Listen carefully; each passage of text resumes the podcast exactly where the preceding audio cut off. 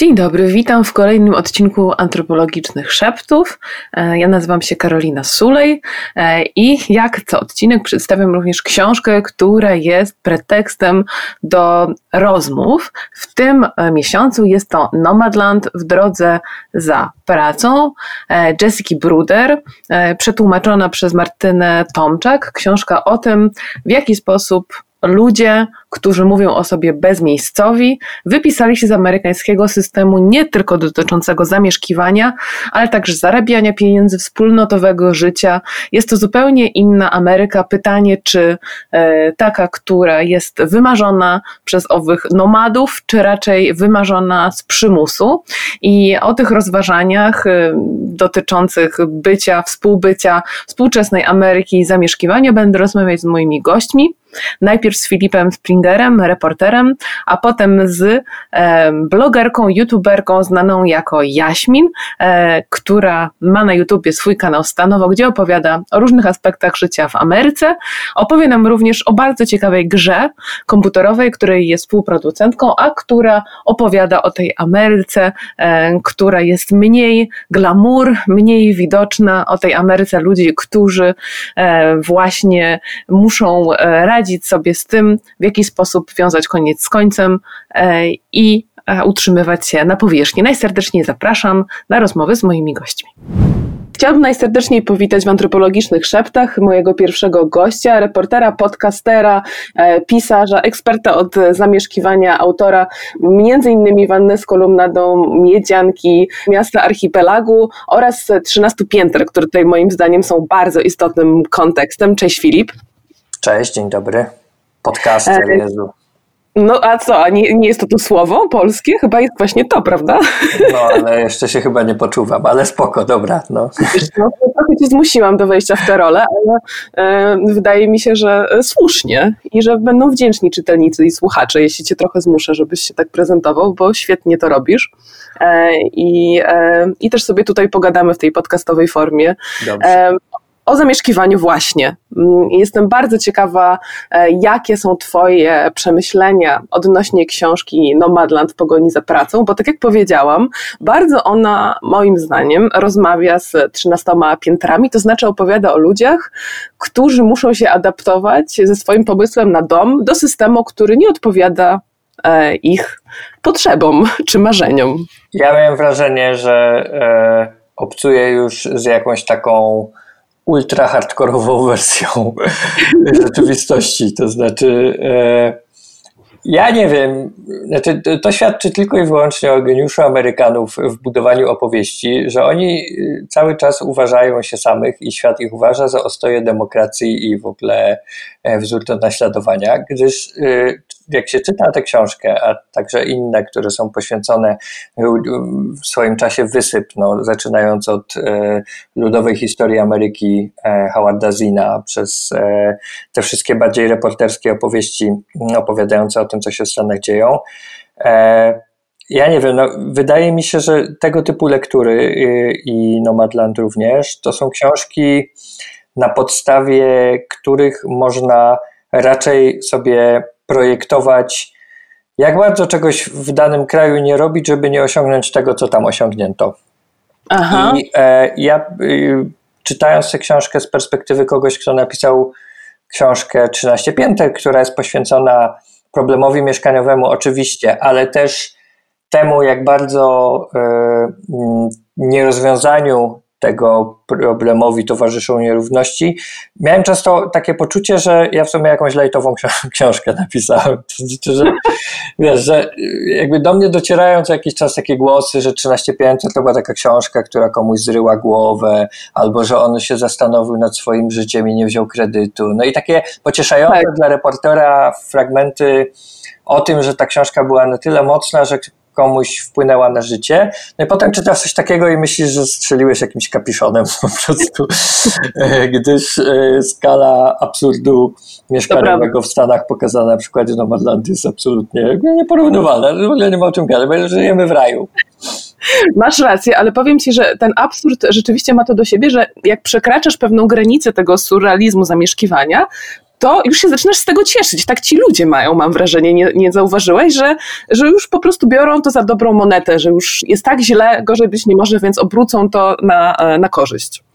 No tak, ale może to jest kwestia mentalu akurat tamtego społeczeństwa, e, bo nie mam wrażenia, żeby na przykład takie rzeczy działy się też tu. Być może nie dotarliśmy do tej absurdalnej granicy, choć myślę, że wiele osób by się nie zgodziło. Więc e, może to jest kwestia po prostu zawsze patrzenia do przodu i nie wiem, może jakiegoś takiego opowiadania sobie pewnej sytuacji, ale mhm. też znowu patrząc na to, jakie. Mm, tendencje i ruchy polityczne zdobywają no. siłę i e, przyczółki kolejne w Stanach, to wydaje mi się, że to jednak jest bardziej za zakrzyczenie rzeczywistości, w sensie, że taka mhm. pozytywna opowieść i odnajdywanie w tym jakiejś radości albo tożsamości, tak, że my teraz jesteśmy takimi bezmiejscowymi, co jest dla tak. mnie jakimś o, jeszcze o tym możemy pogadać, e, no. jest raczej takim zaklinaniem rzeczywistości, e, bo nie wiem, no może sobie projektuję, ale wydaje mi się, że gdyby postawić ich wszystkich przed takim wyborem stabilne, stabilne mieszkanie, w sensie zaspokojenie swojej potrzeby mieszkaniowej w jednym miejscu, a konieczność przemieszczania się z przyczepą po całych Stanach, żeby wykonywać prace fizyczne, to, to ten wybór jest prosty jednak. No, pewnie, że mhm. jest jakaś grupa niewielka ludzi, którzy zawsze, których zawsze będzie nosiło i którzy odnajdą w tym jakąś e, jakiś sposób na życie. Tak jak w Polsce są tacy ludzie, którzy się przemieszczają z miejsca na miejsce, może nie z przyczepą i kamperem i nie, nie tak bardzo za pracą jak e, tak. tutaj, ale jednak no, są ludzie, znamy ich my też, których nosi, prawda? I pewnie mhm. Tam w jakimś promilu to jest ta grupa, natomiast w sporej części to są ludzie zmuszeni do tego, którzy próbują sobie jakoś y, opowiedzieć rzeczywistość, żeby mniej bolała. Tak, no ja, ja, ja też rzeczywiście słyszę w tym bardzo mocno to, o czym ty mówisz, ale słyszę też y, to, w jaki sposób być może zmieni się w XXI wieku postrzeganie tego prestiżu domostwa. Wiesz o co chodzi, że domek przysłowiowy z białym płotem to było marzenie, dla którego wiele osób właśnie inwestowało całe swoje wysiłki w ten kredyt i to, żeby mieć tę fasadę. Natomiast teraz jakby w tej książce przynajmniej, może to jest rzeczywiście zaklinanie rzeczywistości, ale przynajmniej niektórzy mówią, że dla nich najważniejsze jest to ten aspekt wolności, tak, że to jest prestiżowe, że wolność i czas dla siebie to dzisiaj są dobra luksusowe, a nie właśnie meble w tym domu z białym płotem. No tak, i tutaj docieramy do tego hasła bezmiejscowi, które się pojawia na tak. początku tej książki. I mi się od razu to skojarzyło. Jest taki podcast 99% Invisible, którym mhm. omawiane są różne kwestie związane z życiem w mieście, szeroko rozumianym projektowaniem i tak dalej. Tam był kiedyś taki odcinek o różnego rodzaju mm, takich sharingowych formach zamieszkiwania w Stanach Zjednoczonych. I wypowiadała się tam dziewczyna bodaj z San Francisco, która należała do jakiejś takiej komuny, wspólnoty, która była zbudowana wokół aplikacji, która w której ta aplikacji jest jakiś zasób mieszkaniowy, iluś tam dziesiąt mieszkań i mhm. każdy, kto jest w tej aplikacji i płaci jakieś pieniądze za to, mm, może korzystać z tych mieszkań w zależności od tego, w którym miejscu miasta się znajduje. Czyli dzisiaj śpię w tej mhm. dzielnicy, ale następnego dnia pracuję akurat w kołorku gdzie indziej, więc śpię w innym miejscu. I oni się tak przemieszczają po tym San Francisco i sobie tam mieszkają tu i tam, jakby w ramach tej usługi, którą ta aplikacja oferuje. I ja sobie pomyślałem wtedy, jak tego słuchałem, że to jest jakiś absolutny koszmar dla mnie. Znaczy, że, że, że to już jest. Yy, taka forma e, jakby bycia w przestrzeni, tak. które dla mnie jest absolutnie niepojęte i jawi mi się jako coś absolutnie koszmarnego. I tutaj, jak pojawiło się to hasło bezmiejscowi, to ja sobie też tak pomyślałem. I taki mhm. miałem automatyczną taką reakcję, że o Jezus Maria, jakie straszne. A potem sobie pomyślałem to, co ty zadałaś w pytaniu. To znaczy, że być może w tą stronę to idzie, że e, y, że pewnie, że tutaj się zderza i to najłatwiej zderzyć tą wizję takiego amerykańskiego przedmieścia, y, które jest y, y, cały czas jakimś takim aspiru, aspiracyjną kwestią, także przeniesioną na polski grunt. No tak. Domek z labradorkiem to jest rzecz, która napędza e, sporą część rynku mieszkaniowego w Polsce. Mm. Mhm. I E, I to, to łatwo zderzyć, natomiast tu się objawiają właśnie te wszystkie kwestie, które niekoniecznie stoją mm, na linii tej opozycji, tak? To znaczy, że z jednej strony mamy tą, tego kampera, tą przyczepę, którą sobie ciągniemy gdzie tam chcemy i mamy wolność, e, a z drugiej strony jesteśmy uwiązani kredytem mm, do, e, do, do mieszkania, czy tam do domku na przedmieściu dysfunkcjonalnym mniej lub bardziej. I tak. pomiędzy tym są jeszcze różne scenariusze, które nie wszystkie być może są koszmarne, tylko że ja ich jeszcze nie widzę. Na razie widzę tylko to, mhm. co się uzewnętrznia. Nie? I, I, mnie, to, mnie to mrozi. Ja, ja jak słyszę o tym, że w taki sposób miałoby się nasze życie przekształcić, to, to, to, to, to jakoś yy, nie klaszczę z radości na tą wizję. No bardzo jestem ciekawa, co to rzeczywiście będzie z tym naszym życiem. Pamiętam, że kilka lat temu, e, teraz to już nie ma takich ekstremalnych pomysłów, ale kilka lat temu były takie um, idee minimalizmu, które kazały nam, pamiętam chyba był taki mężczyzna, e, nie pamiętam jak on się teraz nazywał, który zyskał sławę, że pakował się do walizki, wszędzie chodził jakby z jednym e, tak, plecakiem, już nie pamiętam, w którym miał potrzebne rzeczy i taka redukcja, że ta redukcja domu w pewnym sensie, tak, czy rzeczy potrzebnych y, do jakiegoś takiego małego woreczka um, będzie jakaś dobra dla nas, dla naszego nie wiem, rozwoju duchowego i dla planety. To była jakaś taka idea. No tak, tylko że wiesz co, ja bym chyba nie szedł w tę stronę, w której mhm. y ja myślę, że dom to jest coś o wiele, ale straszne teraz truizm powiem, ale powiem, że dom to jest coś o wiele więcej niż e, to, że my minimalizujemy nasz bagaż. To znaczy, że go ciągniemy na haku przyczepy, albo go mamy w jakimś określonym punkcie przestrzeni i e, w nim są nasze krzesła, nasze książeczki, nasze kubeczki. E, bo to oczywiście jakby w tą stronę też idzie, idą te wszystkie trendy związane z minimalizmem i generalnie pozbywaniem się przedmiotów i poszukiwanie głębi duchowej w tym, że będziemy ich mieli mniej strach pomyśleć, co będzie, jak już się ich wszystkich pozbędziemy, a głębi nadal nie będzie. E, I e, ja bym w to chyba nie szedł, bo dla mnie osobiście i też tak z perspektywy mm, mhm. na którą y, takiej reporterskiej, no bo ja robiłem też cykl o domu dla, e, dla Woga, e, w którym pytałem różnych ludzi e, fajnych o to, co ten dom dla nich znaczy. Właściwie nikt nie, nie wskazał żadnego przedmiotu. E, ludzie mm. mówili o zapachach, ludzie mówili o widoku z okna, ludzie mówili o poczuciu jakiegoś bezpieczeństwa i stabilności. Mówili o, o czym jeszcze? O, o, o takich momentach niezwykle przejmujących, jak wracają z długiej podróży i parkują przed, przed domem i gaszą światło, i w tym momencie zapala się światło e, w, e, w tym domu, do którego przyjechali, bo wiedzą, że ktoś na nich czeka. I to są wszystko takie rzeczy, które kompletnie nie są związane z tą materialnością, albo tam materialność mhm. jest tylko jakimś takim pośrednikiem tego wszystkiego. E, I, mm, I wydaje mi się, że przynajmniej na podstawie tego z przeszłości, co ja sobie zbadałem na potrzeby tych różnych moich tekstów wokół domu się kręcących, e, o wiele trudniej będzie to wszystko, czy jest trudniej to osiągać w sytuacji, w której e, nie mamy jednak tego jednego miejsca na Ziemi. Tak? Nawet mhm. jeśli ono by było na chwilę, to znaczy na rok, trzy, e, mm, to też y, często się pojawiało w y, tych moich rozmowach do 13 pięter, że ludzie, y, którzy wynajmują mieszkania, przez to, jak wygląda ten rynek mieszkaniowy w Polsce, to znaczy, że on jest ten na wynajem, mm, to znaczy, że zmusza cię do ciągłych przeprowadzek, nie mieli poczucia zakorzenienia. I to nie wynikało z własności, tylko z tego, mm. że ciągle muszą zmieniać miejsce.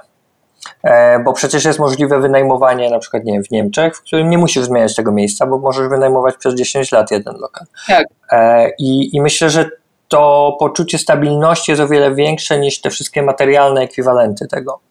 Mhm. No, wydaje mi się, że jest w tym rzeczywiście coś jakby głęboko związane z naszą naturą e, ludzką, jeśli cokolwiek takiego istnieje. I że tutaj jakby w Nomadlandzie mam wrażenie, że te mobilne, bezmiejscowe osoby starają się rytmem e, rocznym to trochę sobie zastępować, że nie mają, wiesz, tego stałego miejsca, że przynajmniej zawsze w tym Amazonie będą pracować, potem się pojadą spotkać, potem pojadą w kempingach pracować, żeby jakąś tą rutynę wyprodukować zamiast tych mm, stałych warunków zamieszkiwania, że to jest potrzebne, to poczucie bezpieczeństwa, o którym powiedziałeś, tylko oni muszą się nauczyć inaczej je produkować zupełnie. No to jest ciekawa, taka ekokrytyczna wręcz refleksja, e, bo to rzeczywiście tak jest. E, I, i teraz, e, i rzeczywiście w tym można próbować szukać jakiegoś e, zakorzenienia e, i nawet budowania jakiejś swojej e, tożsamości, nie w odniesieniu do przestrzeni, a do czasu, co jest niezwykle w sobie mhm. ciekawe. Tym, tym bardziej, że czasu pojmowanego nie linearnie, a raczej cyklicznie, co w sumie tak. może być fundamentem e, jakiejś kompletnej przemiany, gdyż y, to, co my na przykład robimy w szkole ekopoetyki, to właśnie między innymi y, takie rozpatrywanie różnych kwestii, problemów i tematów, o których byśmy chcieli pisać w kontekście temporalności, która nie jest linearna, czyli Bach, mamy to tu, y, i w kontekście rytmów, które są bardziej naturalne, przy całym jakby zastrzeżeniu, że to naturalne to jest słowo, które jest niezwykle tak. kłopotliwe. E, no i tutaj też to mamy, więc rzeczywiście może tak jest, natomiast mam wrażenie, że ten cykl, e, w którym oni są, on jest bardzo związany z takim też rynkiem pracy wyzyskującym ich. Tak, z kapitalizmem no właśnie, że, że, I, i to, mhm. to, to jest straszne. Znaczy, to, w jaki sposób oni muszą się przemieszczać, żeby zdobyć tą pracę i że ta praca raz jest na północy, raz na południu, e, bo gdzieś jest cieplej i tak. gdzieś akurat coś zakwitło, albo akurat jest kemping otwarty, to jest wizja jakaś przerażająca. Mm. Więc... To prawda. No, ta książka być może jest dobra z tego powodu, że ona nie daje tych odpowiedzi, tak? Jest jednocześnie smutna y, i podnosząca na duchu słodko-gorzka, tak? I dobrze, że wspomniałeś o szkole ekopoetyki, bo, mm, bo jako współtwórca i współprowadzący, zastanawiający się nad tym, jakich słów używać, żeby ten nasz nowy świat e, opisać albo żeby go uratować, e, zastanawiam się, jak odbierasz książkę tę na tym poziomie, bo ona jest trochę też zastanawianiem się nad tym, czy nowy sposób zamieszkiwania, który tam został zaproponowany, nam przybliży naturę, czy może jest jakiś sposób, nie wiem, architektonicznego podejścia do domostwa, który będzie bardziej ekologiczny, tam są te wszystkie airshipy, tak, o, który, airship, o którym marzy Linda, e, czy tobie się jakby te jakieś idee wspólnoty sąsiedzkiej, tak, czy budowania domu z resztek podobają? Znaczy, o, nie wiem, czy mi się podobają, czy nie. Mhm. Y, natomiast y, też ja nie mam jakiejś bardzo głębokiej wiedzy, wiedzy na temat. W życiu nie widziałem takiego osiedla na żywo, więc jakby y, mogę sobie o nim tylko poczytać. Natomiast na pewno ona jest ciekawa pod tym względem, że ona robi coś, co ekopoetyka jako pewien sposób myślenia o literaturze bardzo postuluje. To znaczy, że ona wprowadza te wątki które kwestionują, czy każą nam zadać sobie te wszystkie pytania, które my tutaj zadajemy. Także takie związane bardzo e, z systemem, w który jesteśmy uwikłani. Mhm. Ona wprowadza te wątki nie, nie, nie, bezpośrednio, to znaczy bardzo często my się spotykamy z takim e, przekonaniem czy takim podejrzeniem od ludzi, o którym opowiadamy jako poetyce, że to jest coś, w, który, w czym my piszemy o katastrofie klimatycznej albo o tym, że gdzieś wycięto jakiś las w przejmujący sposób. A to tak nie do końca, bo nam chodzi trochę o to, żeby dotykać e, czy próbować znaleźć nowy język, nową metaforę i e, nową opowieść, także w obszarach, które nie są bezpośrednio z tym związane. Czyli na przykład mhm. w opowieści o miłości dwojga ludzi e, spróbować znaleźć takie sposoby opowieści, które będą użyteczne też w innych obszarach, czyli będą eksplorować mhm. to nowe. Mm, I tutaj to jest, tak? To znaczy, że rzeczywiście ten moment, w którym ja czytam o, o bezmiejscowości, pojawia się we mnie jakiś taki radykalny sprzeciw wobec tak, takiej koncepcji.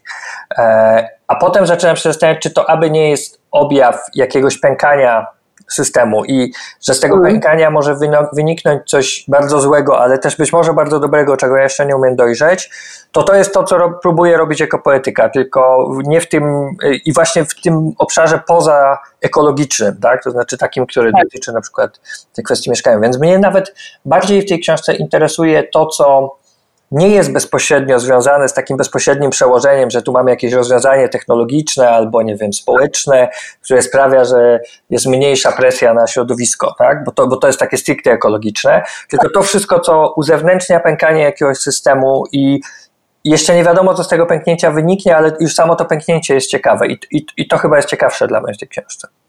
Tak, to prawda. Ona e, nie proponuje tutaj jakiejś perspektywy antropologiczno-krytycznej, która już zamyka to zjawisko w jakichś ramach i mówi, dobrze, to w nim o, o to chodzi. Ona raczej rzeczywiście towarzyszy e, tym nomadom, przygląda się im i stara się jak najbliżej tego doświadczenia być, bez jakiegoś takiego, powiedziałabym, jednoznacznego wnioskowania, bo też nie da się go przeprowadzić, bo to wszystko się trochę dzieje e, na naszych oczach. Jakby to jest jeden wielki eksperyment, mam wrażenie, tak, ze wspólnotą, właśnie z tym i na ile my potrzebujemy tych naszych y, takich ustalonych, y, jakby to powiedzieć, no nie wiem, znaków właśnie bezpieczeństwa, czy sukcesu, mhm. czy spokoju, bo to są wszystko te pojęcia, prawda? Tak, tak, tak. I, e, I w tym sensie to jest ciekawe otwarcie. Ono, ono jest też opowieściowo przekonujące. To znaczy, że no, że to jest jednak amerykańska szkoła opowieści, co by nie mówić. I, no. i, i, wiadomo, z tego ją trzeba sklecić, no, że tutaj nie ma ecie-pecie. Tu jest po prostu, wiadomo, że musi być bohater, musi być story yy, i że dopiero wtedy to jest, yy, zaczyna działać. Tak? Że dopiero później możemy sobie publicystykę tam robić, ale najpierw jest to, co, co ma być mięsem opowieści. No, rzeczywiście e, czytanie amerykańskich reportaży, jak się jest wychowanym w polskiej szkole reportażu, bywa ciekawym ćwiczeniem umysłowym. Tak, jest, tak, tak jest to, jest to zupełnie, zupełnie coś innego, ale już tak zmierzając do, do końca naszej, naszej rozmowy, to chciałam się Ciebie zapytać, czy ta książka dla Ciebie no, no jest rzeczywiście już na początku o tym rozmawialiśmy o 13 piętrach, ale czy dla, dla Polaków dzisiaj, tak, którzy będą ją czytać, polskich odbiorców, ona może e, być, być jakoś zasilająca, tak? Czy my mamy tutaj, czy widzisz w Polsce jakieś takie, nie wiem, tęsknoty za tym, żeby, nie wiem, właśnie trochę inaczej wspólnotę sąsiedzką budować, albo żeby e, właśnie jakoś inaczej zamieszkiwać, bo pandemia starała się nam na nowo odkryć to pojęcie domu, czym ono, czym on jest, czy on jest w mieście, czy on jest na wsi, czy on obejmuje moje podwórko, czy może moją dzielnicę, czy, czy widzisz jakieś takie mm, te sygnały, że... Co nie wiem, czy to się rymuje. Ja bardziej tę książkę odczytuję jako takie ostrzeżenie przed y, wynaturzeniem kapitalizmu do takiej formy. No. I, i w tym sensie ona zawsze będzie działać, e, ale ja też nie spodziewam się, chociaż może jestem naiwny, żeby do tego wynaturzenia w Europie doszło aż w takiej skali, w jakiej doszło w Stanach. To tak. jakby, no nie wiem, no może jestem optymistą, ale wydaje mi się to jednak niemożliwe trochę. Natomiast e, to, co się wydarzyło w związku z pandemią, ale też w ogóle, co się dzieje z kwestiami mieszkaniowymi w Polsce, zmierza trochę inną stronę jednak, tak mi się wydaje, Aha. że no. e, po pierwsze dosyć mocno mm, zrozumie... pojawiła się na przykład taka bardzo ciekawa e, idea 15-minutowego miasta przy, przy, okazji pandemii, tak? Czyli taka idea, mhm. że e, właściwie wszystko, co powinniśmy mieć e, do życia i pracy, czyli miejsce pracy, miejsce, gdzie zrobimy zakupy, miejsce podstawowych jakichś takich rozrywek i usług, powinniśmy mieć w zasięgu 15-minutowego dotarcia bez pomocy środków zmechanizowanych, chyba że rowerem. Mhm. I ta mhm. idea przy okazji pandemii święci triumfy, y, rozliczne teksty się pojawiają na ten temat, że to jest taka, taki wspaniały pomysł w czasach, w których zrozumieliśmy, jak e, wirusy mogą nam uprzykrzyć życie. Tylko, że to jest idea stara jak świat i nie wiadomo czemu nagle wszyscy mówią, że ona jest jakaś nowa. Tymczasem ta idea jest mniej więcej tak stara jak krytyka modernizmu. Tak? No, znaczy, tak. nie, nie, trzeba być jakimś wielkim geniuszem, żeby odkryć, że fajnie mieć wszystko pod nosem. I, że, I że miasta y, w sumie po to powstały, żeby mieć do wszystkiego blisko. E, tylko, że potem się trochę rozrosły i potem przyszedł modernizm i nam je rozwlókł po prostu y, na jakichś nie, nie, nieprzyzwoitych odległościach. No ale tak, no fajnie mieć wszystko pod nosem, czyli idea miasta zwartego. No dzień dobry, w XIX wieku jesteśmy. E, więc e, no na przykład takie idee odżywają przy okazji e, mm, e pandemii, ale odżywa też coś, co ja mam, sam doświadczam na, na moim osiedlu, jakby na, w moim tym najbliższym otoczeniu, że chyba się okazało, i to może się jakoś rymować z tą książką, bo w tej książce też widać jak, na wielu momentach, w wielu jej momentach e, takie łaknienie wspólnoty, tak? To znaczy tego, że tak. jednak nie da się samemu, że, że trzeba być razem, że, e, no, że pewnych rzeczy się nie przeskoczy i jesteśmy istotami, które żyją stadnie, przynajmniej w pewnych momentach. Mhm. I e, ja mam wrażenie, że pandemia zrobiła coś takiego nam, przynajmniej w tym pierwszym lockdownie miałem takie wrażenie, że myśmy namacalnie poczuli, do czego nam potrzebna jest wspólnota. Bo wcześniej rozumieliśmy to tak deklaratywnie, że tak, wspólnota jest ważna, warto znać swoich sąsiadów, ecie Tak. Natomiast w sytuacji, w której doszła do nas ta świadomość, że trzy piętra niżej jest starsza sąsiadka, której jak nie kupimy tego e, jedzenia, to ona nie wyjdzie, e, bo nie może, e, albo jak wyjdzie, to umrze, to, to nagle trochę to pojęliśmy. Ja mam wrażenie, że po, tej, e, po, po tym lockdownie pierwszym i po narodowej kwarantannie, która zaraz na pewno nastanie, e, będziemy mieli takie poczucie, że już wiemy po co nam wspólnota. To nie znaczy, że od razu się wszyscy mhm. rzucimy do jej budowania, umacniania i będziemy się ściskać na powitania z wszystkimi sąsiadami, gdy już to będzie możliwe, tylko bardziej, że już poczuliśmy po co to jest. I to myślę, że coś dobrego może z tego wyniknąć, jeśli to dobrze rozegramy. Zdecydowanie, bardzo się z Tobą zgadzam i, i, wydaje mi się, że, e, że to pojęcie domu, o którym tak dużo rozmawialiśmy, jest też pojęciem, które jest tworzone przez wspólnotę i przez ludzi, nie tylko przez ściany, czy kampera, czy e, domku z płotem białym. E, I bardzo Ci chciałam podziękować za te rozważania, E, I polecam e, słuchaczom nie tylko Nomadland, ale wszystkie Twoje książki oraz Szkołę Ekopoetyki, która pewnie będzie znowu robić nabór za jakiś czas. Tak, jak tylko skończymy ten, tą pierwszą szkołę, która właśnie zawisła, gdyż e, jest pandemia, ale skończymy ją na pewno, a potem już będzie. Cierpliwości się musieliśmy nauczyć, więc. Tak, myślę, że to szkoła życia dla nas jest. Dokładnie. Dziękuję Ci bardzo. Dzięki wielkie. Chciałam zatem serdecznie powitać e, w naszym podcaście Antropologiczne Szepty moją gościnię Jaśmin z kanału Stanowo. Cześć. Dziękuję bardzo za zaproszenie. Cześć, cześć. E, jestem bardzo, bardzo ciekawa, co myślisz o, o, o, tej książce, o której wspomniałam we wstępie, o Nomadland w pogoni za pracą, bo na Ameryce znasz się jak mało kto. E, twój kanał jest świetny, a jeszcze na dodatek jesteś producentką gry komputerowej, której bardzo kibicuję, która również dotyka podobnych tematów, co Jessica w tej książce.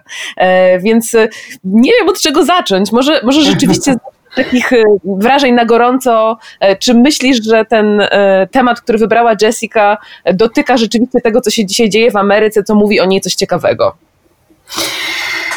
Myślę, że tak. Myślę, że to są ważne tematy, o których warto zawsze rozmawiać i jakby uświadamiać po prostu inne punkty widzenia. To jest chyba najważniejsze.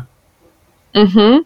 Ale czy takie osoby, które ona opisuje, albo takie zwyczaje dotyczące wyborów życiowych, um, czyli nie wiem, kiedy klasa średnia nie chce już zaciągać kolejnych długów, żyć do pierwszego, wiesz, kupować kolejnych przedmiotów, tylko ludzie rozczarowani tym, co, co dostali od amerykańskiego snu, wybierają takie rozwiązania, nie wiem, ucieczkowe, albo właśnie starają się zredukować e, swoje um, rzeczy, które posiadają i jakoś spróbować wybrać jakiś alternatywny styl życia? Czy coś takiego widzisz? To znaczy, na pewno spotkałam się z tym osobiście nawet. Nie jest to jakby kwestia która jest szalenie popularna, bo mimo wszystko konsumpcjonizm jest tutaj silny i pewnie jeszcze długo będzie. E, natomiast na pewno są ludzie, którzy szukają alternatyw, dlatego że po prostu e, mm, aktualnie tam 30-latkowie, po prostu to pokolenie, które skończyło studia, e, jest w ciężkich długach zazwyczaj po, po, mhm. po, po koledżach, bo to są, to są raczej drogie sprawy, chyba że oczywiście dostało się stypendium. No w takim wypadku po prostu nagle patrzę na swoje finanse i no, zastanawia się, gdzie tu uciąć, bo raczej y, tak. Y, to wszystkie inne kwestie są po prostu no, dość problematyczne. Tak? To jakby to są pewne takie rzeczy, których mm, z tej perspektywy y, jak mieszkałam w Polsce, czy w ogóle, czy, czy jeździłam po Europie, to są takie rzeczy, o których po prostu często się też nie pamięta, dlatego, że po prostu no, my kończymy studia i po prostu wchodzimy na rynek pracy, natomiast Amerykanie wchodzą na ten rynek pracy mając 20 parę lat, na przykład z długiem rzędu 150 tysięcy dolarów. Tak. Z automatu. Tak. Dla mnie to jest niewyobrażalne i w tej książce y, też bardzo mnie poruszyło takie, mm, nie wiem, bliźniacze podobieństwo niemalże tych y, młodych, którzy właśnie wkraczają na rynek pracy już z długami i wiedzą, że ich życie e, ekonomiczne no, nie jest jakąś świetlistą perspektywą i e, z kolei emerytowanych Amerykanów, którzy czują, że nie wystarczy im, żeby zapłacić czynsz. I oni e, w pewnym sensie są jakoś razem w, tej, w tych trudnościach. Trochę tak. Mówi się oczywiście, że Ameryka jest krajem wielkich możliwości. Jest krajem wielkich możliwości.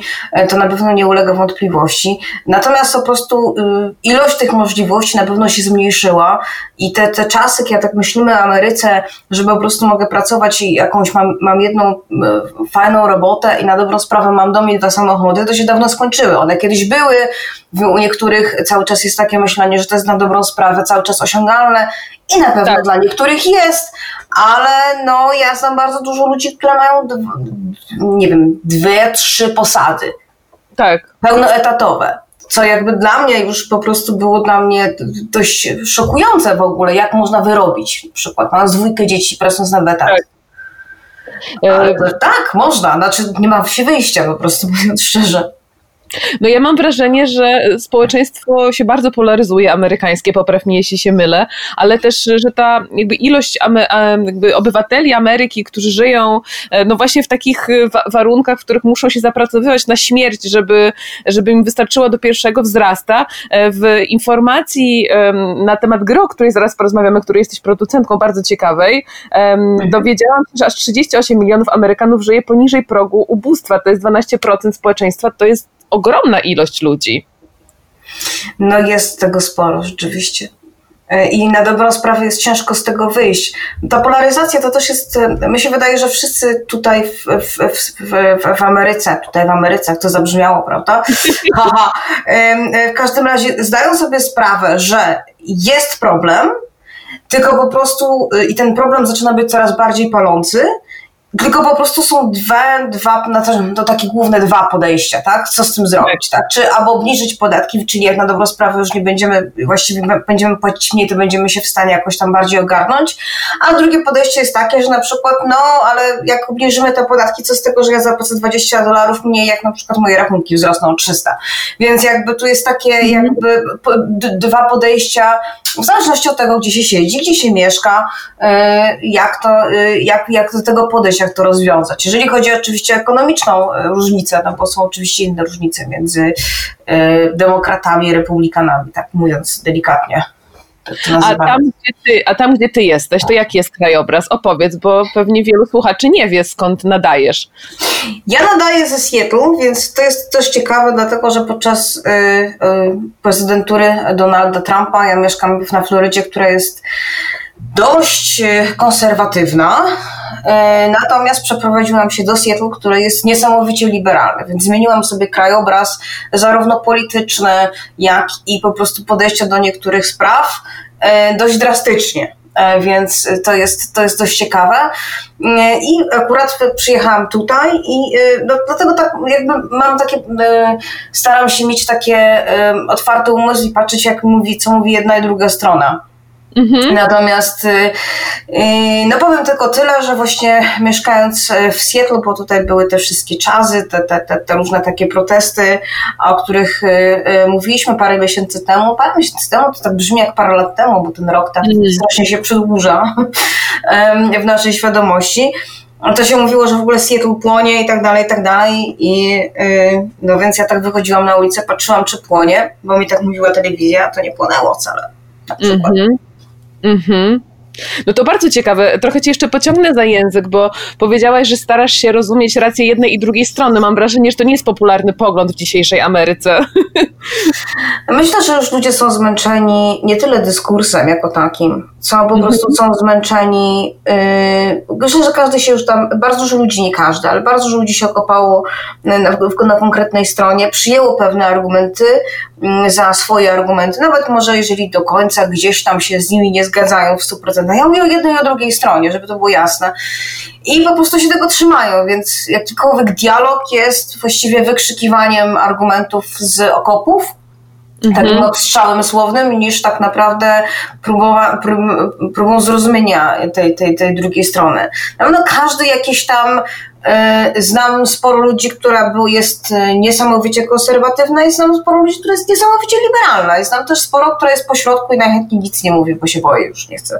Czy w sumie E, nie wiem, nie wiem dokładnie, jaka jest sytuacja w Polsce, bo to jest mi też trochę ciężko oceniać, dlatego że o ile na przykład można przeczytać gdzieś tam w polskich mediach, czy usłyszeć, że na przykład Seattle płonie, ja mogę wyjść i zobaczyć, że nie płonie, to na przykład no, ciężko mi powiedzieć, jak wygląda sytuacja w Polsce. Natomiast tak z własnej, z własnej perspektywy. Natomiast na pewno gdzieś tam pewnie ten sentyment, sentyment takie podejście z tego, co słyszałam, tak też w Polsce wygląda, tak, że już się ludzie pokopywali i, i już nie chce im się rozmawiać. Tak, i też y, dla mnie jest to ciekawe, dlatego ta książka Nomadland była tak dla mnie interesująca, że, że mam wrażenie, że ludzie dzieją się na tych, którzy chcieliby mieć rzeczy, zarabiać i mieć święty spokój e, i też, na, i też są tacy, którzy z kolei tęsknią z jakimiś właśnie wartościami, nowym otwarciem, wiesz, jakimś wspólnotowym połączeniem się i że takie dwie, takie dwa nurty myślenia o tym, jak mamy budować teraz świat, się teraz ze sobą tak e, konfrontują. No trochę tak, no rzeczywiście, może coś w tym jest. E, no, to, no jest to na pewno jeden z takich, jedną tak. jedna z takich różnic. E, masz e, doświadczenie Florydy za sobą, mieszkasz w Seattle, ale chciałabym, żebyś opowiedziała teraz trochę o grze, która moim zdaniem jest świetnym uzupełnieniem dla, dla książki, która jest punktem wyjścia do naszej rozmowy i chciałabym, żeby słuchacze e, poszperali i tę grę dla siebie również odnaleźli.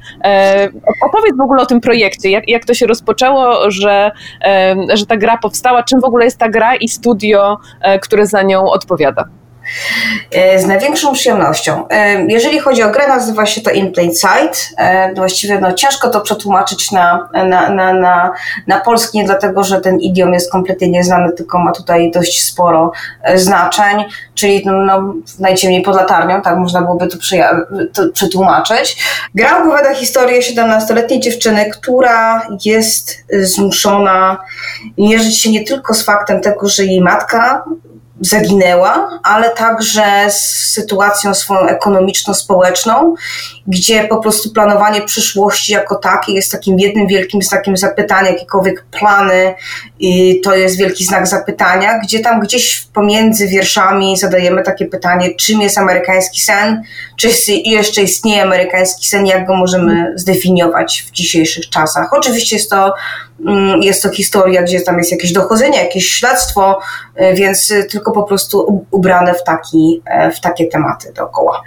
Tak, bo to jest ta opowieść o, o tych y, Amerykanach, o tej Ameryce z Flyover States, tak, z tego pasa, pasa rdzy, czy, czy, czy jakby... Nie, nie. To jest opowieść przede wszystkim z Oregonu, gdzie po prostu tak Oregon jako taki jest, no jeżeli chodzi o wielkość samego stanu, to odpowiada Polsce tak, tak, mhm. tak popatrzymy na mapę, a mieszka tam właściwie chyba 2 miliony ludzi, czyli jest dość pusto.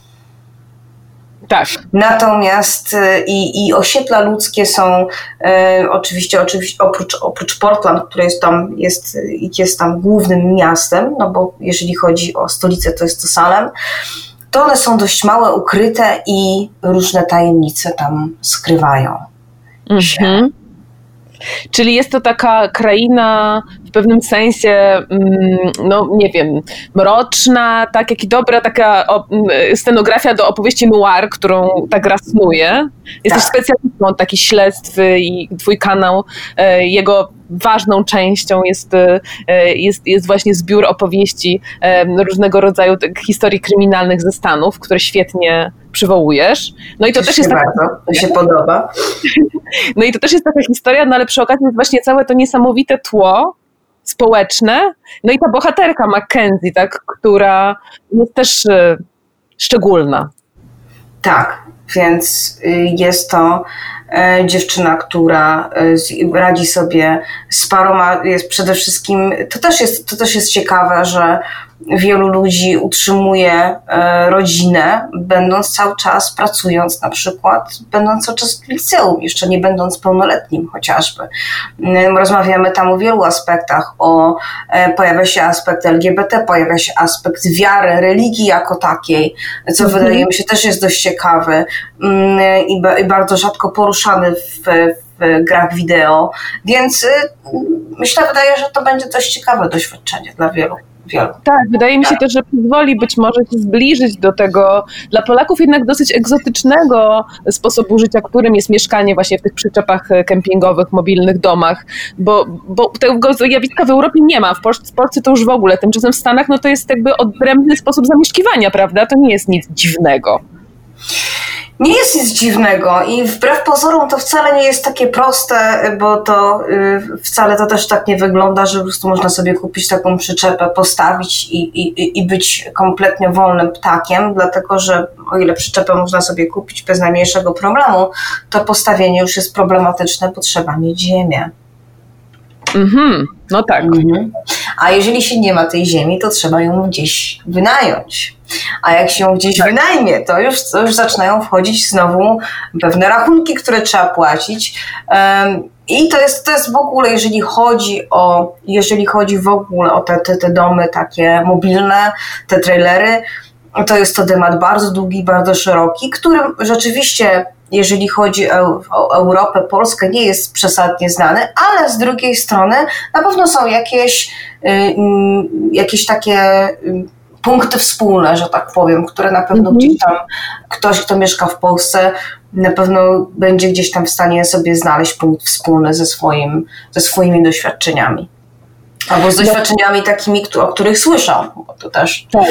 No, mam wrażenie, że my w Polsce mamy taki zasób wiedzy na temat zamieszkiwania właśnie w tego typu domach, nie wiem, który pochodzi z filmów jak y, Ósma Mila, tak, czy, czy może ostatnio Sex Education, gdzie jedna z bohaterek mieszka też y, na tego typu e, osiedlu. No dla mnie ono dużo mówi właśnie o takiej tymczasowości, która staje się czymś, czymś stałym, e, o takim jakimś poczuciu wyrzucenia za margines trochę, tak, bo to jest niby dom, a jednak nie dom, e, więc jest się niby w tym społeczeństwie, ale z drugiej strony się w nim trochę nie jest, tak, bo jest się trochę wyrzutkiem, nie zrobiło się kariery, e, tak, tylko się jakoś, jakoś tam chce, chce przetrwać. I tak jak bohaterka e, waszej gry, mam wrażenie, chce, mhm. chce przetrwać, walczy o siebie. I no myślę, że pytanie to też jest takie, czym jest przetrwanie i jak daleko możemy się posunąć, żeby przetrwać w imię przetrwania. Gdzie się, gdzie się zaczyna to, a gdzie się kończy. E, jakby jakie podejście na przykład takie e, mm, jest takie piękne zdanie, które powiedział e, mój kolega, z którym, którym produkujemy tą grę, piszemy tą grę, że tak naprawdę kwestia podejścia do jakichś takich rzeczy właśnie jak, mm, jak honor czy empatia potrafi się bardzo zmienić w stosunku do, w zależności od twojej własnej sytuacji. I dalej, mhm. dalej idziemy, a później możemy się też zgubić. Więc jakby e, to są takie jakieś takie moralne tematy, które tu poruszamy, natomiast też chciałabym się, dobrze, żebyśmy się dobrze zrozumieli, bo tutaj jest oczywiście jakieś śledztwo, jakaś, jakaś kombinatoryka, jakieś napięcie, więc to też nie jest tak, że będziemy sobie siedzieć na, na, na, na, na pieńku i rozmawiać tylko wyłącznie o tym, um, bo to jest dość doświadczenie interaktywne. Natomiast jeżeli chodzi o takie, o takie y, przeżycie w, w tych trailerach, to też jest ciekawe, dlatego że mówimy o tym, że to są domy mobilne. Mhm. I tak nam się wydaje, przynajmniej takie mamy, to, takie jest, taka jest perspektywa, my też mi się tak wydawało, że właściwie mhm. można sobie taki dom, to jest jak przyczepa kempingowa, tak? Że tak, tak naprawdę możemy sobie po prostu siąść, w, kupić taki dom, gdzieś sobie go postawić, a jak go postawimy w jakimś takim miejscu, że nam się nie będzie podobało, no to na dobrą sprawę żaden problem, możemy sobie taki dom e, od razu gdzieś wziąć na lawetę i przesunąć. No właśnie nie. Bo się okazuje, że tak naprawdę jak się już się postawi raz, jak się, mhm. i później po paru latach chce się je przesunąć, no się rozpadną prędzej. No tak. No tak. Więc to jest takie bardzo mocne wrażenie tymczaso tymczasowości, że to właściwie można przestawić. No to właśnie, no właśnie niekoniecznie. E, natomiast są ludzie, którzy oczywiście gdzieś tam w tych domach, e, e, sama osobiście znam Aha.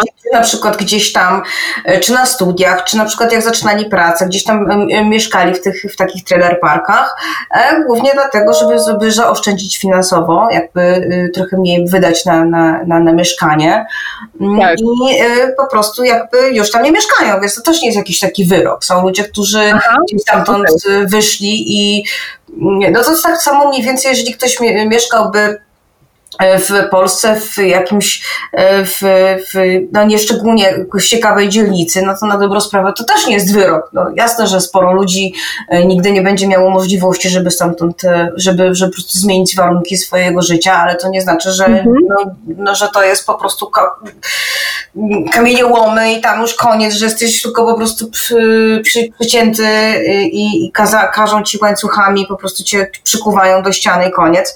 Natomiast, no bo jest, jest kraj możliwości. Mm-hmm. Natomiast no pytanie, gdzie się zaczynają te możliwości i jakie tak. możliwości są, tak? I jakby. Dla kogo, prawda? Mhm. Natomiast. Y- te możliwości też są bardzo często, myślę, że to też jest takie, taki punkt wspólny chyba dla nas wszystkich, że te możliwości, no nikt właściwie nie jest takim, y, takim żeglarzem i okrętem sam w sobie, no bo są jakieś, jakieś rodzice, jakieś dzieci, jakieś, jakieś rodzeństwo i po prostu całe, to cała, cała rodzina, jakieś społeczeństwo, które się dba, jakąś, jakaś grupa społeczna. No i to też nas wstrzymuje czasami, żeby sobie gdzieś pójść i, i, i robić jakieś kariery na przykład, albo zostawić wszystko za sobą. A jak ty się czujesz w Ameryce? Ty, jak się czujesz y, ze swoimi możliwościami tam? Ja się czuję bardzo dobrze. Y, natomiast ja miałam też sporo szczęścia, trafiłam na bardzo dobrych y, cierpliwych i, i fantastycznych ludzi, którzy podpowiedzieli mi odpowiednie rzeczy w odpowiednim momencie. To jest, mogę, mogę oczywiście mówić, że ja się wielu rzeczy naczytałam, jaka jestem strasznie mądra, ale tak naprawdę miałam bardzo dużo szczęścia bardzo dużo mhm. szczęścia. I to chyba naprawdę tak, jeżeli chodzi o emigrację, to bardzo dużo zależy od szczęścia. Kiedy się czegoś dowiemy o danym kraju w odpowiednim momencie, to można się dowiedzieć to dwa lata później, już jest problem. I jakby trafi się na odpowiednich ludzi, którzy, którzy po prostu gdzieś tam e, pomogą, coś podpowiedzą i tak dalej. To jest chyba Czyli najważniejsza rzecz. Znaleźć swoje plemię w obrębie tego a znalezienie plemienia tak od startu to wcale jest takie proste. No o tym byśmy mogły pewnie bardzo dużo rozmawiać, ale chciałam Cię jeszcze dopytać o, o grę, bo powiedziałaś już mniej więcej o czym jest, jaka jest jej bohaterka, ale to też jest bardzo szczególna gra ze względu na zespół, który ją tworzy i studio e, za nią odpowiedzialne. To jest taka gra, no e, nie wiem, czy można ją określić jako grę dla, dla kobiet, ale no taka powiedziałabym szczególna w tym krajobrazie gier e, popularnych. Znaczy, gro y, osób, która pracuje przy tej grze, y, rzeczywiście y, no, jest płci żeńskiej, to tak to nazwijmy, to tak mhm. najbardziej. Natomiast nie tylko, żebyśmy tutaj panowie nie poczuli urażeni, absolutnie mhm. nie. Zespół jest międzynarodowy, są ludzie mm, ze Stanów, z Kanady, oczywiście z Polski, z Niemiec, Najśmieszniejsze tak. jest trochę to, że zaczęliśmy to produkować i jakby zaczęliśmy nad tym, zaczęliśmy produkcję, pre, jeszcze preprodukcję tego tytułu, no to na dobrą sprawę mieliśmy takie założenie, żeby po prostu zawsze od samego początku do końca studio było jak najbardziej e, zdalne żeby każdy mógł pracować w zaciszu własnego domu. No więc jakby rok mhm. temu to wszystkim się wydawało to nierealne, popatrzmy na nas wszystkich dzisiaj, tak? E, tak. Więc już nie jest to takie nierealne.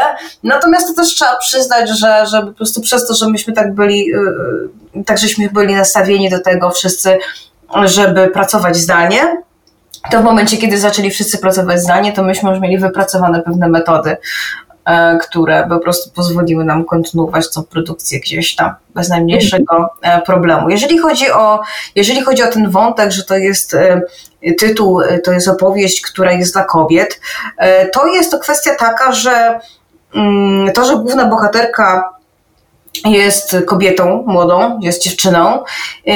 To na pewno to się pojawiało w grach komputerowych, natomiast po prostu istotne dla nas wszystkich tutaj, którzy, którzy produkujemy, którzy pracujemy przy tym tytule, jest to, żeby to nie było tylko i wyłącznie jakby zaznaczone, że, że, ona jest, że ona jest dziewczyną i nic więcej, tylko żeby mierzyła się z takimi problemami właśnie matka, córka, y, różnymi, y, różnymi kwestiami, jakie społeczeństwa, jakie, jakie, jakie różnego rodzaju presji na nią wywiera i tak dalej, tak. i tak dalej.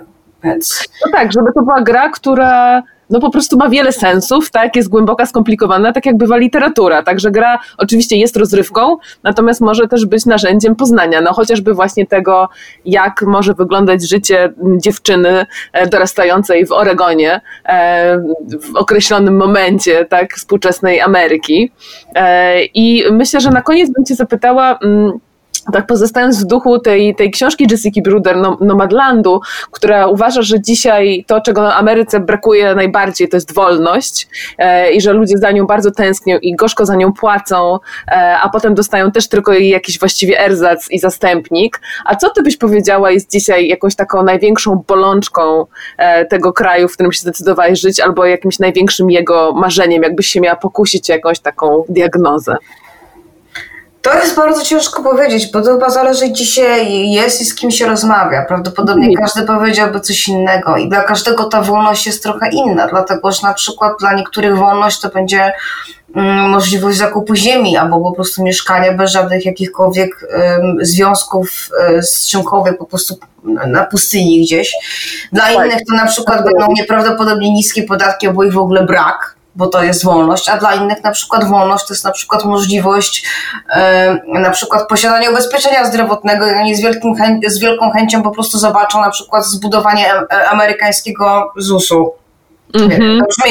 Więc na dobrą sprawę to wszystko zależy, e, każdy ma jakieś tam inne kajdany, które, które go plączą, więc jakby trudno powiedzieć, jak, to, jak na to popatrzeć. Natomiast chyba największym problemem w Stanach Zjednoczonych to jest polaryzacja społeczna. To, co widać teraz przy, przy tych wyborach, e, tak. no bo jesteśmy, rozmawiamy w momencie, kiedy na dobrą sprawę, no, tuż po tygodniu wyborczym, no nawet nie można powiedzieć, że dzień, to był tydzień wyborczy, tak no to czegoś takiego to no były zawsze jakieś animozje, tak, no ale to były trochę takie, takie igrzyska z, z tam z chipsami, bo nie powiem, że z chlebem, czyli po prostu no, wszyscy się przyklejali do telewizora w dany wtorek, oglądali sobie, mówili, aha, no to ten wygrał, no trochę smutno, bo no to ten wygrał, super, bardzo się cieszę. Mhm. I wracali do swojego życia, a teraz to wcale nie wygląda, jakbyśmy mieli wrócić do swojego życia tak, tak. czy inaczej. Tak, tak, też mi się wydaje, że to jest y, bardzo szczególny moment, że to jest takie trochę stanie na brzegu klifu, wiesz, i, e, i zastanawiam się, co się wydarzy. No to jest ekscytujące, trochę przerażające. Cieszę się, że rozmawiamy w takim momencie, e, ale powiedziałaś mi na początku, kiedy jeszcze nie nagrywałyśmy naszej rozmowy, że wcale ci się to nie wydaje chaotyczne, to co się teraz dzieje i to mnie zaciekawiło. To może powiesz na koniec. Znaczy chaotyczne w sensie takim... Yy nie ma tutaj takiego chaosu. nie wiem za bardzo, jaka jest narracja, która jest prowadzona do tego, dotycząca tego, co tutaj się dzieje gdzieś, e, gdzieś, gdzieś właśnie w Europie, czy, czy szczególnie w Polsce. Natomiast e, były wybory, wybory się odbyły, e, jest liczenie głosów, cały czas jest liczenie głosów i one się tam będzie jeszcze liczyć. Jeszcze 14 grudnia, czy, czy, czy, czy jakoś tak, chyba 14, jakoś tak w połowie, elektorzy przyjdą i zagłosują na prezydenta, powinni wybrać tak. tego, który, który, który dostał jakby tam najwięcej e, głosów, ale to nigdy nie wiadomo. I jakby to się wszystko dzieje, czyli na dobrą sprawę, jak jest pandemia, jest problemy z bezrobociem, są, jest, są, są napięcia społeczne, są napięcia rasowe, mm, są protesty i tak dalej, a to mimo wszystko dalej jakby się dzieje, więc jakby nie rozpadło się to. Więc jakby od, pod tym kątem to nie ma chaosu. Mhm. Jest mm tak naprawdę, jeżeli chodzi o te protesty i tak dalej, i tak dalej, bo sama się e, interesowałam, e, patrzyłam jak to wygląda, to tak naprawdę to też było, to nie, nie wyglądało aż tak straszliwie i chaotycznie, jak można byłoby się spodziewać, że tak powiem. Bardzo jestem ciekawa Twojego spojrzenia i Twojej wrażliwości i mam, wraż- mam nadzieję, że się na Twoim kanale to wszystko jakoś odbije, zamknie, zaprezentuje i bardzo wszystkich jeszcze raz zachęcam do tego, żeby się zapoznać z grą In Plain Sight poza e, kanałem Stanowo, e, który Jaśmin prowadzi. Może jeszcze powiesz na koniec, jak można tę grę zdobyć, jakby ktoś chciał. Jeszcze i my jesteśmy w formie takiej ostatecznej produkcji, trochę żeśmy opóźnili tytuł, miał wychodzić pod mhm. koniec y, lata, natomiast po prostu daliśmy sobie trochę więcej czasu. mam nadzieję, że nikogo to nie uraziło. Natomiast y, y, jeżeli chodzi o konkretną datę, to jej nie mówimy, bo lepiej nie powiedzieć. A, rozumiem. Niż przesuwać, tak. E, mogę powiedzieć, że tam ostatnie szlify są dodawane, ale ostatnie szlify po prostu jak zwykle, ostatnia prosta jest najdłuższa. Natomiast jest to gra dostępna w tym momencie tylko na, na komputer osobisty na PC. Można ją e, sobie dodać do wishlisty, czyli do takich tytułów, na które się wyczekuje na Steamie. Dobrze, bardzo się, bardzo się cieszę, bardzo y, też się nie mogę już doczekać, dodaję do wishlisty, a Tobie e, serdecznie dziękuję za, za rozmowę. E, i za po mojej stronie. I właśnie zaoferowanie nam takiego wglądu osoby, która się znajduje tam e, i, i może powiedzieć, e, może powiedzieć jak, jak to wygląda z perspektywy e, kogoś, kto ma właśnie tę taką optykę bardziej zrównoważoną niż media w Polsce. Bardzo Ci dziękuję raz jeszcze. Dziękuję bardzo. I to już wszystko w tym odcinku antropologicznych szeptów.